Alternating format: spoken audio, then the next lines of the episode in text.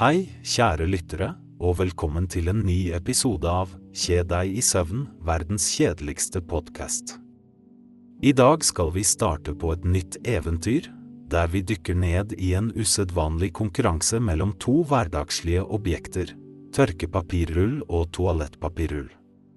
Men før vi begynner, vil vi gjerne minne dere på å abonnere på podkasten vår, slik at dere ikke går glipp av noen av våre søvndyssende episoder. Og nå som vi snakker om det, vil vi også gjerne høre fra dere, våre kjære lyttere. Hvis dere har noen forslag til kjedelige temaer dere vil at vi skal utforske i fremtidige episoder, vennligst send dem inn til oss. Vi ser frem til å lese deres ideer og gjøre vårt beste for å lage enda flere søvndyssende episoder. Men tilbake til dagens tema. Vi skal utforske den spennende historien bak disse to papirrullene, deres opprinnelse og hvordan rivaliseringen mellom dem har utviklet seg over tid. Vi vil også se på de forskjellige bruksområdene for hver type papirrull, og hvordan de hver for seg har bidratt til menneskehetens utvikling og fremskritt. Og selvfølgelig vil vi ta avsporinger om papirproduksjon, kilder til råmateriale og de mange variasjonene av papirruller som finnes i verden. Så la oss starte denne langtekkelige reisen inn i papirrullenes verden, og la oss sammen finne ut hvilken av dem som til slutt vil bli kronet som vinneren i denne store konkurransen. Tørkepapirrull vs. Toalettpapirrull. Tenk deg, disse papirrullene vi tar for gitt, har en ganske lang og intrikat prosess bak seg før de når våre hender og hjem. Så, la oss begynne med tørkepapir, som også er kjent som kjøkkenpapir. Du vet, de hendige rullene vi bruker for å tørke opp søl og gjøre rent på kjøkkenet. Tørkepapir er laget av en blanding av trepulp og resirkulert papir, og prosessen starter med å bryte ned disse materialene til en masse. Denne massen blir så blandet med vann og deretter presset og tørket for å skape et ark av papir. Og nå toalettpapir, den myke og komfortable vennen vi stoler på i våre mest private øyeblikk. Akkurat som tørkepapir starter toalettpapirproduksjonen med trepulp og resirkulert papir. Men forskjellen her er at toalettpapir blir utsatt for en ekstra prosess kalt krepping, som gir det den myke og fløyelsaktige teksturen vi alle kjenner og elsker. Kreppingen skaper også de små rynkene som gir toalettpapiret dets absorberingsevne. Men la oss ikke glemme de mange forskjellige typer papir som finnes der ute. Vi har alt fra det enkle, hvite tørkepapiret til det fargerike og mønstrede toalettpapiret som noen ganger dukker opp i butikkene. Og hvem kan glemme det tidvis debatterte emnet om hvorvidt toalettpapiret skal henge over eller under rullen? Slike spørsmål kan holde oss opptatt i timevis, men la oss ikke la det distrahere oss fra den virkelige diskusjonen her. Så, nå som vi vet litt mer om hvordan disse papirrullene blir produsert, er det på tide å vende oppmerksomheten mot de ulike bruksområdene for hver av dem. For er det ikke nettopp bruksområdene som til slutt vil avgjøre hvilken papirrull som er den ultimate vinneren i denne rivaliseringen? Så, nå som vi har dekket litt av produksjonen og bruken av tørkepapir og toalettpapir, la oss dykke dypere inn i de forskjellige merkene og kvalitetene av papirruller som finnes der ute. For det er jo slik at ikke alle tørkepapir og toalettpapir er laget like, og noen ganger kan det å velge riktig merke og type papir bety forskjellen mellom et behagelig og effektivt oppryddingsarbeid og en frustrerende og mislykket affære. Når vi snakker om tørkepapir, er det noen nøkkelegenskaper å se etter. Absorberingsevne er selvfølgelig en av de viktigste, fordi et tørkepapir som ikke absorberer væske godt, er rett og slett ikke spesielt nyttig. Styrke og holdbarhet er også viktige, spesielt når det kommer til å tørke opp tøffere søl og skitt. Og selvfølgelig er det også et spørsmål om pris, noen merker kan koste mer enn andre, så det er viktig å finne en god balanse mellom kvalitet og pris. Når det gjelder toalettpapir, er komfort kanskje det viktigste kriteriet for de fleste av oss. Ingen liker å bruke et toalettpapir som føles som sandpapir, så det er alltid lurt å finne et merke som er både mykt og skånsomt mot huden. Styrke og holdbarhet er også viktige her, fordi et toalettpapir som går i stykker i hendene er ikke noe særlig å bruke. Og igjen, pris spiller en rolle, noen ganger kan de dyreste merkene ikke nødvendigvis være de beste, så det lønner seg å sammenligne og finne den beste verdien for pengene. Så, i dette segmentet vil vi snakke om miljøaspektet ved tørkepapir og toalettpapir, fordi det er en viktig faktor å vurdere når vi bruker så mye av disse produktene i hverdagen. La oss først snakke om tørkepapir. Det er viktig å huske at produksjonen av tørkepapir krever store mengder vann og energi, samt trær som råmateriale. Et av de mest miljøvennlige alternativene er å velge tørkepapir som er laget av resirkulert papir, eller papir fra bærekraftig skogbruk. Dette kan bidra til å redusere belastningen på miljøet og ressursene våre. Når det gjelder toalettpapir, har vi lignende bekymringer. Mange tonn trær blir hugget ned hvert år for å produsere toalettpapir, og prosessen innebærer også bruk av vann og energi. Å velge toalettpapir laget av resirkulert papir eller bærekraftig skogbruk kan også her være et miljøvennlig alternativ. I tillegg er det noen merker som tilbyr toalettpapir uten klorbleking, som kan være mindre skadelig for miljøet. En annen ting å vurdere er forbruket av tørkepapir og toalettpapir. Er det mulig for oss å redusere bruken, og dermed redusere avfallet og miljøpåvirkningen? kanskje ved å bruke gjenbrukbare kluter eller svamper for rengjøring, i stedet for å stole så mye på tørkepapir. Eller kanskje ved å være mer bevisst på mengden toalettpapir vi bruker, og prøve å redusere det så mye som mulig uten å ofre komfort og hygiene. Husk at dette er et langt og komplekst emne, og vi har bare rørt overflaten her. Men det er viktig å være bevisst på miljøaspektet ved de produktene vi bruker i hverdagen, og vurdere hvordan vi kan gjøre mer miljøvennlige valg. I neste del av vår spennende reise inn i tørkepapir- og toalettpapirverden vil vi snakke om mer kreative og uventede bruksområder for disse papirrullene. I dette segmentet skal vi dykke dypere inn i de kreative og uventede bruksområdene for tørkepapir og toalettpapir. Hvis du trodde at disse papirrullene bare var til for å tørke opp søl eller for personlig hygiene, så må du tro om igjen. La oss først se på tørkepapir. Visste du at du kan bruke det til å lage enkelt kunstverk? Bare dra frem noen vannfarger og et ark tørkepapir, og du har et lerret klar til å bli fylt med farger og kreativitet. Tørkepapir er også flott for å lage hjemmelagde dekorasjoner, som fargerike blomster eller som en del av en kollasj. Hva med å prøve å lage en kreativ innpakning til en liten gave ved hjelp av tørkepapir og litt bånd? Mulighetene er uendelige. Når det gjelder toalettpapir, har det også flere bruksområder enn man kanskje skulle tro. Har du noen gang prøvd å fjerne sminke med toalettpapir?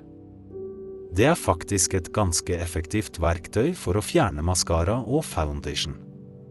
Dessuten kan toalettpapir brukes til å lage morsomme og enkle kostymer, som en mumie for halloween, eller som en del av en improvisert teaterforestilling med vennene dine. Og la oss ikke glemme de tomme papirrullene.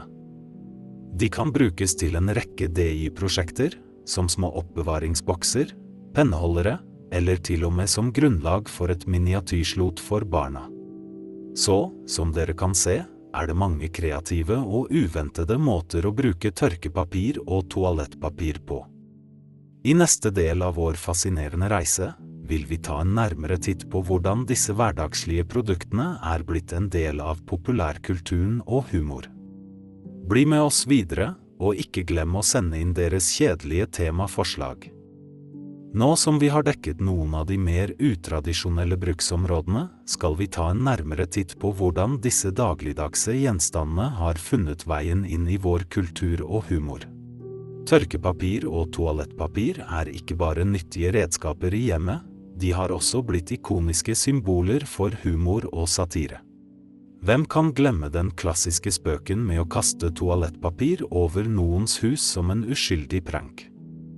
Eller hva med de utallige tegneseriene og memes som bruker toalettpapir for å fremme en morsom vits eller en ironisk kommentar? Men det stopper ikke der. Tørkepapir og toalettpapir har også hatt en overraskende innvirkning på vår populærkultur. De har blitt brukt i filmer, TV-show og til og med musikkvideoer for å skape humor, understreke en scene eller bare som et uventet rekvisitt. Det er også verdt å nevne hvordan disse papirproduktene har blitt en del av våre feiringer og tradisjoner. Tenk for eksempel på en bryllupsprosesjon med en bil dekorert med strømmer av toalettpapir, eller den gledelige skikken med å kaste konfetti, som ofte er laget av fargerikt tørkepapir, i luften ved feiringer. Det er tydelig at tørkepapir og toalettpapir har funnet veien langt utenfor våre bade- og kjøkken. I neste del av vår langtekkelige reise vil vi se på de forskjellige produksjonsprosessene bak disse hverdagslige gjenstandene. Vi begynner med råmaterialet trær. Ja, dere hørte riktig. Begge disse uunnværlige papirproduktene i vårt daglige liv starter som store, robuste trær. Disse trærne er ofte gran eller furu, selv om eukalyptus også er et populært valg i noen land. Nå kan du kanskje tenke, hvordan i all verden blir et tre til toalettpapir? Vel, det er her det blir interessant. Etter at treet har blitt felt, blir det fraktet til en fabrikk der det blir kuttet i små biter. Disse bitene blir deretter kokt i en stor beholder med vann og kjemikalier for å bryte ned treets struktur og skape en masse som kalles treflis. Nå, treflis er ikke akkurat mykt og behagelig mot huden.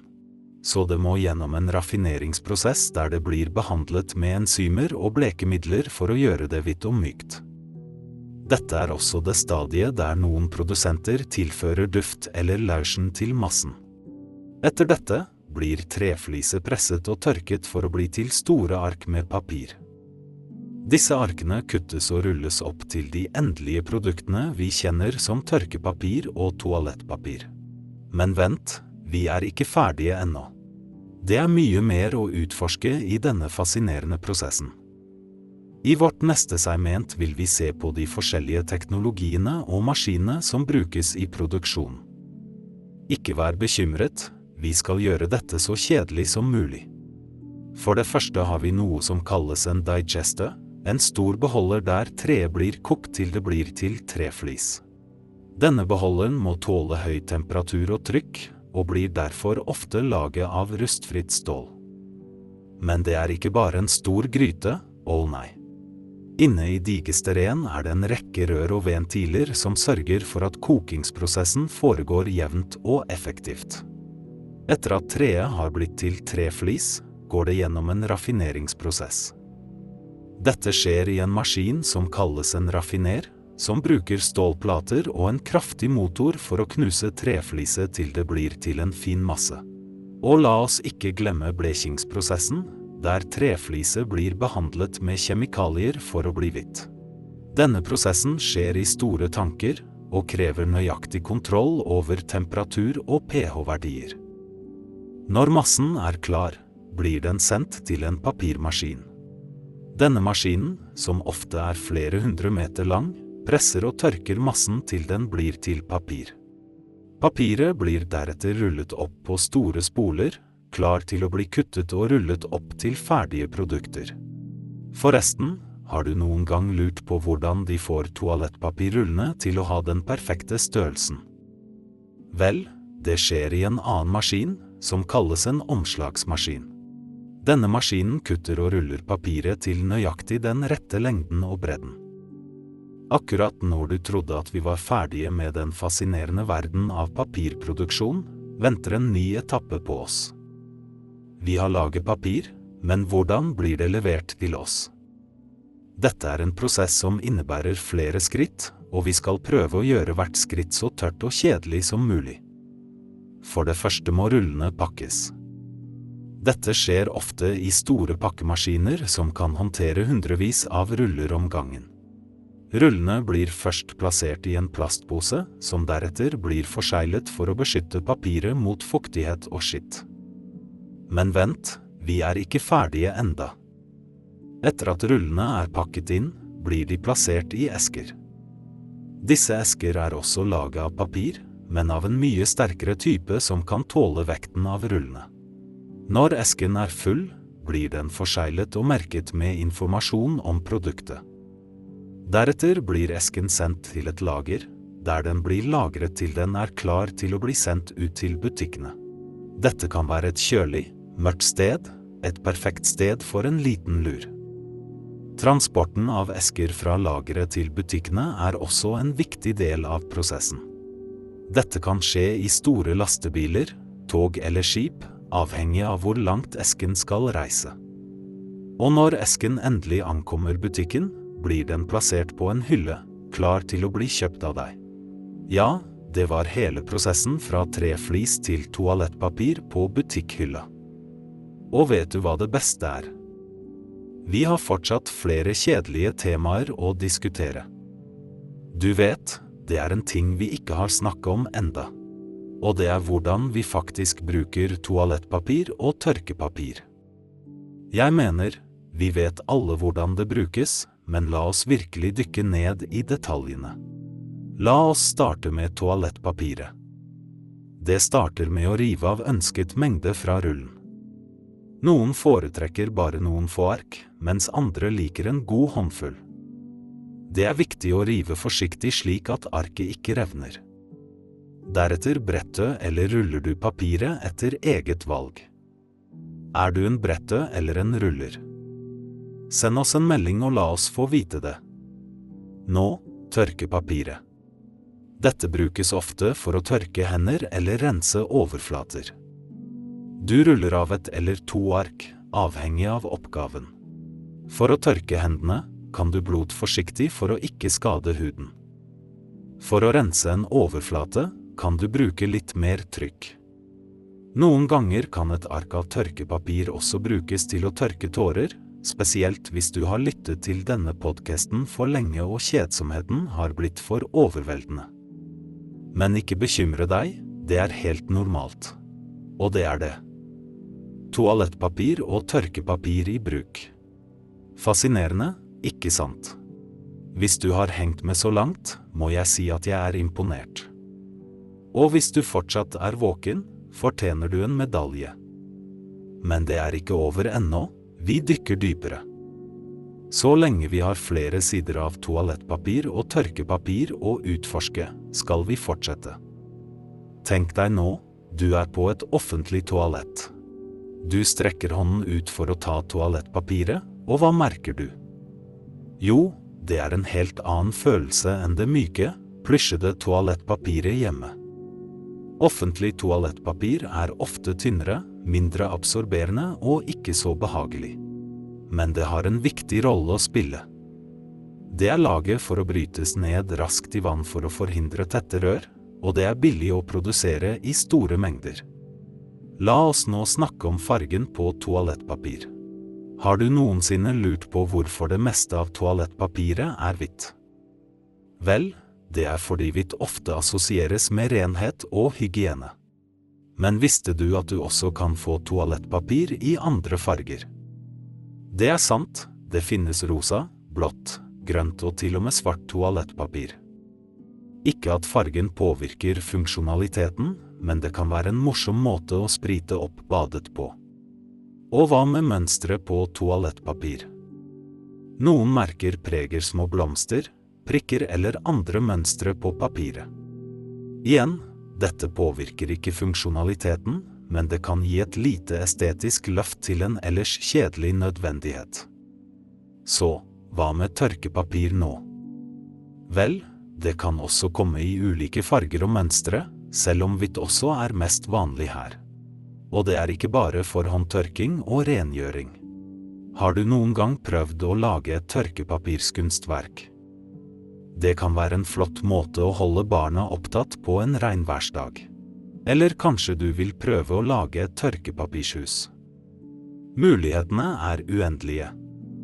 Nå håper jeg du har et dypere innblikk i den fantastiske verden av toalettpapir og tørkepapir. Men vi er ikke ferdige ennå. Det er fortsatt mer å lære, mer å utforske. Så hold deg fast. Hva kan være mer hverdagslig enn toalettpapir og tørkepapir? Disse trofaste følesvennene er alltid der for oss, enten det er på badet, kjøkkenet eller i det offentlige rom. Så, la oss ta oss tid til å virkelig sette pris på dem. Nå, la oss tenke på den fantastiske prosessen det er å lage toalettpapir. Tenk på alle trærne som må bli hugget ned, prosessen med å lage pulp, den omhyggelige blekingsprosessen, og selvfølgelig, den siste prosessen med å rulle den opp. Og alt dette bare for at vi skal kunne tørke oss med det. Virkelig fantastisk er det ikke. Men hva med tørkepapir? Også en utrolig prosess. Igjen, det starter med trærne, pulpen, blekingen, men så kommer variasjonene. Kanskje det er litt mer teksturært for å hjelpe til med å tørke opp søl, eller kanskje det har et mønster for estetisk nytelse. Uansett, det er en flott prosess som vi ofte tar for gitt.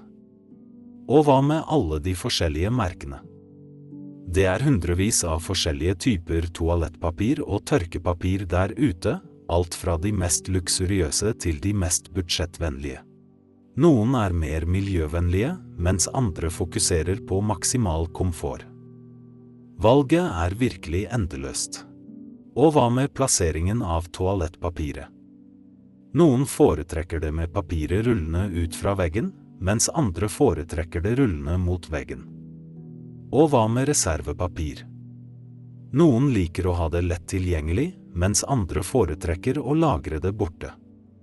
Og la oss ikke glemme de fantastiske kunstverkene som kan lages av toalettpapir og tørkepapir. Kanskje du har sett de utrolige skulpturene som kan lages, eller de vakre kunstverkene som kan skapes. Det er virkelig fantastisk hva man kan gjøre med noe så enkelt som papir. Og nå, mine kjære lyttere, er vi kommet til slutten på denne dyptgående utforskningen av toalettpapir og tørkepapir. Hvis du fortsatt er våken, må jeg si, du er virkelig tålmodig. Kanskje du finner en ny takknemlighet for disse hverdagslige gjenstandene neste gang du bruker dem. Hvis du allerede sover, så håper jeg at du sover søtt. Men hvis du fortsatt er våken, fortvil ikke. Vi har et siste dykk ned i papirens verden igjen. For de modigste av dere, de mest nysgjerrige, eller kanskje bare de mest søvnløse, blir med meg videre. For alle andre ønsker jeg deg en god natts søvn. God natt. Eller, hvis du sover, så hører du meg nok kanskje ikke uansett. Men, men, sagt er sagt og kanskje du du tross alt kan observere noe av det jeg sier selv om du strengt tatt sover. Så, her er vi da, ved slutten av vår reise gjennom toalettpapir og tørkepapirlandskapet. For dere som fortsatt er våkne, gratulerer. Du har vist en utrolig utholdenhet og en dyp interesse for disse dagligdagse objektene. Eller kanskje du bare virkelig trengte å sove, og denne turen har vært beroligende nok til å hjelpe deg på veien. La oss avslutte vår reise med å drømme litt om fremtiden for toalettpapir og tørkepapir. Tenk på teknologien som kan endre hvordan vi bruker disse produktene. Kanskje vi vil se smart toalettpapir som kan analysere helsen vår, eller tørkepapir som kan absorbere det dobbelte av sin egen vekt i væske. Kanskje vi vil se en mer bærekraftig fremtid, med papir laget av gjenbrukbare materialer, eller toalettpapir laget av bambus. Hvem vet? Og så, kjære lyttere, takker jeg deg for din tid og ditt selskap på denne reisen. Jeg håper du har funnet det like fascinerende, om en kanskje litt søvndysende, som jeg har. For de av dere som sover, håper jeg drømmene dine er fylt med myke, fløyelsaktige skyer av toalettpapir. For dere som fortsatt er våkne, jeg håper at du har funnet litt ro i denne dype dykk ned i papirens verden. Takk for at du har vært med på denne reisen, og jeg ønsker deg en god natts søvn. Kanskje vi møtes igjen i et annet, like fascinerende tema. Hvem vet, kanskje neste gang vil vi utforske verden av binders eller kanskje Post-It-lapper. Det er også mulig å lytte til en av våre andre episoder dersom du fortsatt er våken. Men for nå, god natt, sov godt og drøm søtt. Tudelidu. Ok da, til deg som enda ikke sover. Her kommer et kjedelig bonuskapittel. Her skal vi dykke dypt inn i den fascinerende verden av sandkorn. Ja, du hørte riktig, sandkorn, disse bitte små partiklene som fyller våre strender, samler seg i skoene våre og bygger de mest spektakulære sandborgene. Det har egentlig ikke så mye med toalettpapir eller tørkepapir å gjøre, men det går fint siden dere sikkert sover nå uansett. La oss starte med å forstå hva et sandkorn faktisk er. Sand er egentlig bare små biter av ulike mineraler og bergarter, og størrelsen på hvert enkelt sandkorn kan variere betydelig. Men for å bli klassifisert som sand, må partiklene være mellom 0,0625 mm og 2 mm i diameter. Noe mindre, og vi går inn i silts territorium. Noe større, og vi har grus. Visste du at ikke alle sandkorn er like? Å, nei, langt ifra.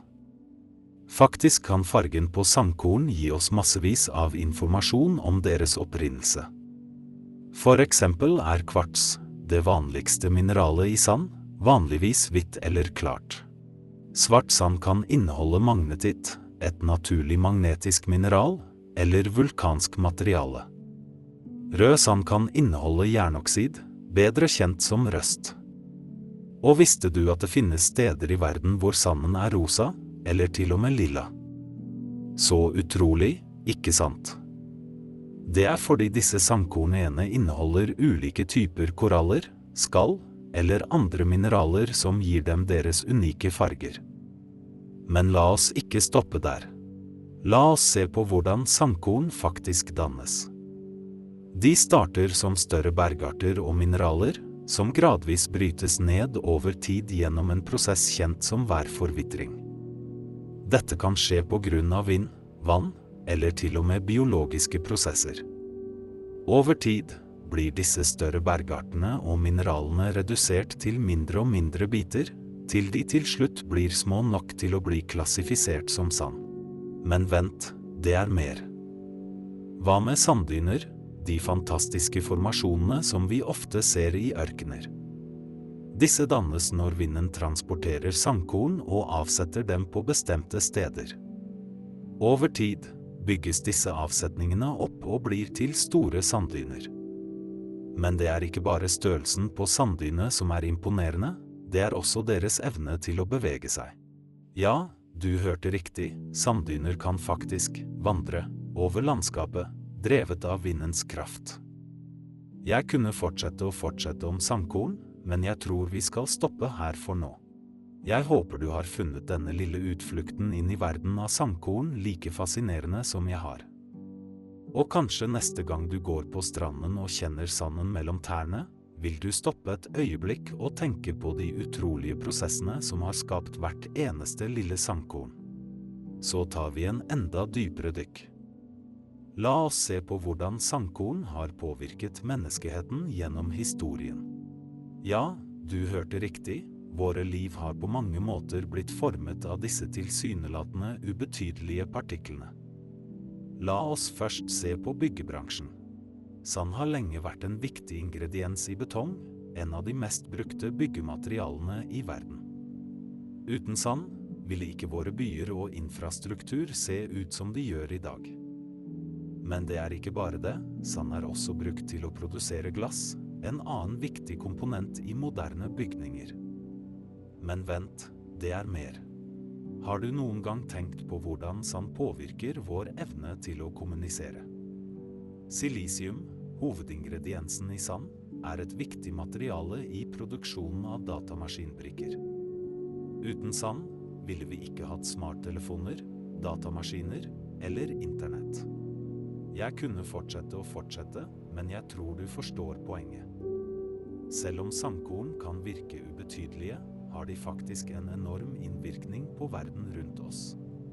Så der har du det, en hel bonusdel om sandkorn. Jeg håper du fant det fascinerende, eller i det minste litt avslappende.